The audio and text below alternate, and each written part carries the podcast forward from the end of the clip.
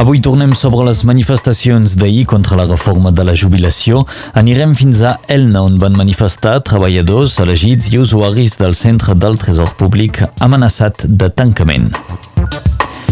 Cassolades i manifestacions ahir en suport als nou independentistes arrestats i acusats de terrorisme. Catalunya Nord manifestarà també demà contra la repressió. Les restes del dictador Francisco Franco seran exhumades segons va decidir ahir el Tribunal Suprem espanyol.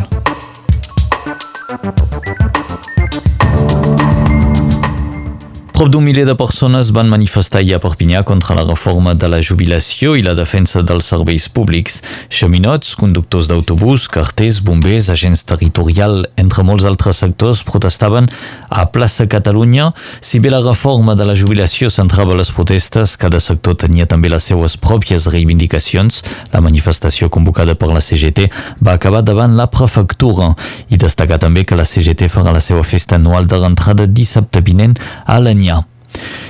i entre els manifestants hi havia els treballadors de les finances públiques que protestaven contra el tancament anunciat de diversos centres al departament i la retallada de llocs de treball.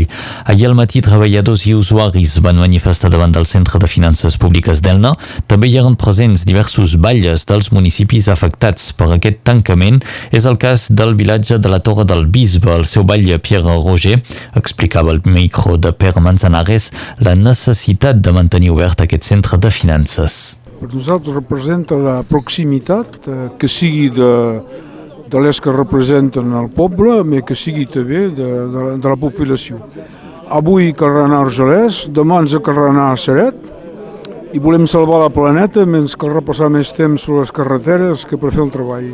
És inadmissible i segueix eh, el tancament de, de la posta de la torre de mig jornal suplementària, allò que és oberta, que, que, que mig jornal cada dia i a poc a poc, dins de comunes que són en plena expansió demogràfica, és pas acceptable. És, pas, és un reculem de manera fenomenal. Paraules del batlle del vilatge de la Torre del Bisbe, Pierre Roger, al micro de Pere Manzanares. Una nova manifestació dels treballadors del sector del Tresor Públic és prevista per demà davant del Centre de Finances Dia de Tet. A Madrid, els advocats dels set independentistes catalans detinguts van poder visitar ahir els seus clients. Això significa que no se'ls hi aplica la llei antiterrorista que els podria mantenir incomunicats almenys 72 hores. Els detinguts seguiran tancats a la comandància de la Guàrdia Civil fins demà quan passaran a disposició judicial i hauran de declarar davant d'un jutge. Els altres dos detinguts van quedar en llibertat amb càrrecs després de negar-se a declarar. I ahir al vespre es van convocar diverses concentracions de suport, en particular als municipis del Vallès Oriental i de l'Osona, d'on són originaris els detinguts. Mostra de suport també del president de la Generalitat. Quim Torra va enviar ahir una carta al president del govern espanyol demanant-li explicacions. Torra escriu a Pedro Sánchez que les detencions preventives no haurien de ser possibles en un veritable estat de dret. Torra afegeix que l'operació s'ha saltat tots els principis de presumpció d'innocència i que pretén inventar un fals relat de violència a Catalunya. Fons del govern espanyol han respost insistint que Espanya és un estat de dret i que per tant hi ha separació de poders. I Catalunya Nord es manifestarà demà per dir prou a la repressió contra l'independentisme català. El Comitè de Solidaritat Catalana ha convocat una manifestació demà dijous a les 6 i mitja de la tarda al peu del Castellet de Perpinyà. El Tribunal Suprem espanyol ha autoritzat exhumar les restes de Franco per enterrar-les en un cementiri de Madrid. La família del dictador pensa recórrer aquesta decisió al Tribunal Constitucional. La família de Francisco Franco voldria que les restes del dictador fossin enterrades a la catedral de l'Almudena, al centre de Madrid. El govern espanyol refusa aquesta opció per impedir l'exaltació d'un dictador en un espai públic. Avui us presentem una iniciativa única a l'estat francès, és impulsada per l'Hospital de Perpinyà. A partir de dilluns, aquí a Catalunya Nord, les farmàcies podran fer proves gratuïtes de detecció del virus de l'hepatitis C. Ja no caldrà anar, per tant, a l'hospital o en laboratoris d'anàlisis per fer aquestes proves.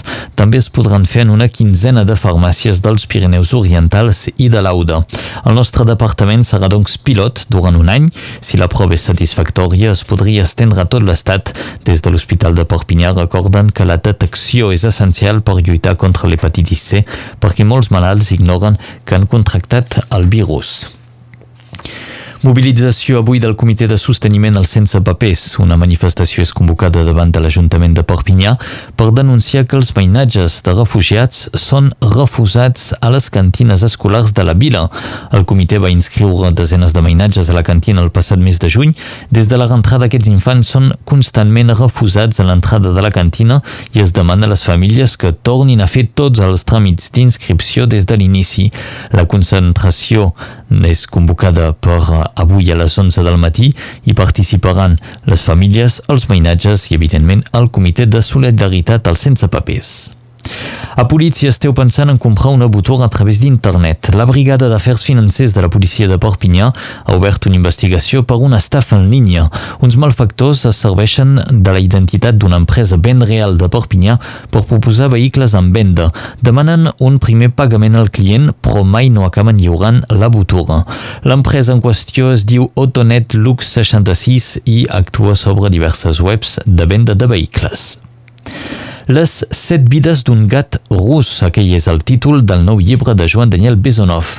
De fet, se tracta d'una edició especial de la trilogia de memòries de joventut de Joan Daniel Besonov amb els llibres Una educació francesa, Les meues universitats i El fill del coronel.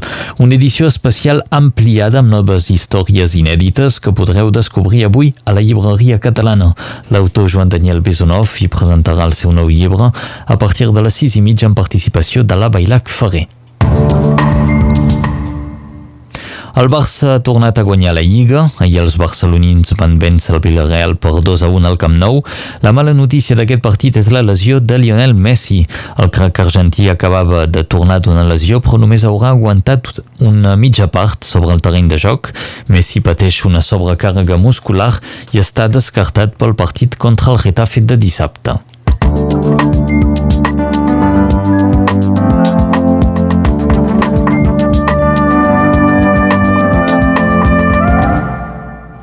Descobrim avui la informació del temps amb la Laura Bertran.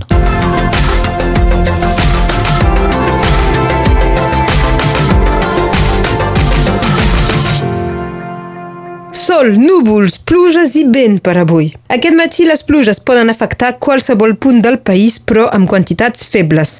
La zona menys afectada per les precipitacions serà la vall de l'Aglí i el litoral. Aquesta tarda les pluges haurien de restringir-se al Vallespí i a muntanya. Pel que fa de la resta, hi haurà un domini de l'ambient assolellat amb presència d'alguns núvols. El vent és tramuntana, on bufa més fort i de manera constant és a la vall de l'Aglí amb ratxes de fins a 60 km per hora.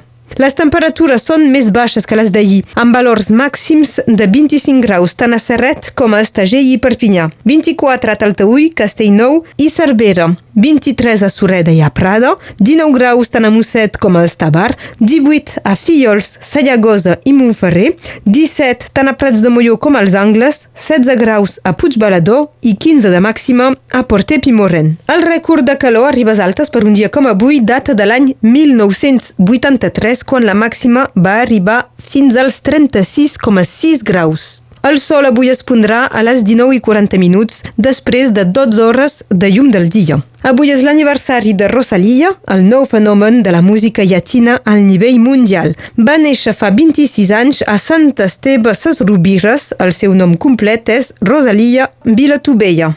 A l'estat francès, avui és la jornada d'homenatge als arquis.